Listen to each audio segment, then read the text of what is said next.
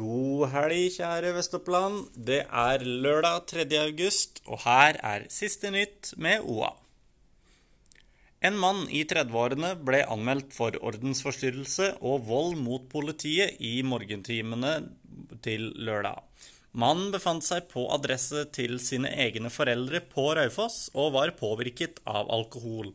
Mannen sparket etter ansiktet på politiet, før han ble kjørt til legevakt, så arresten.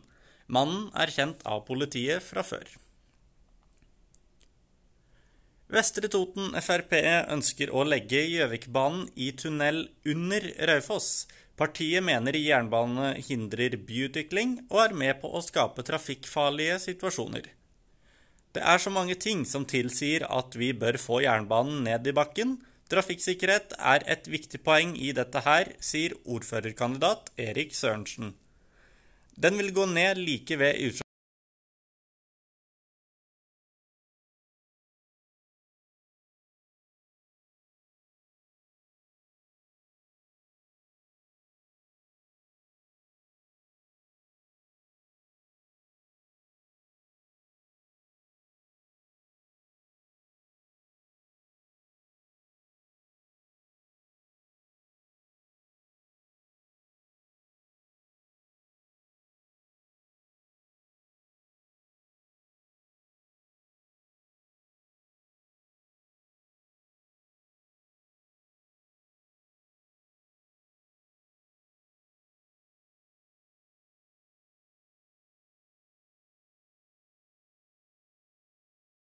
Siste nytt med OA.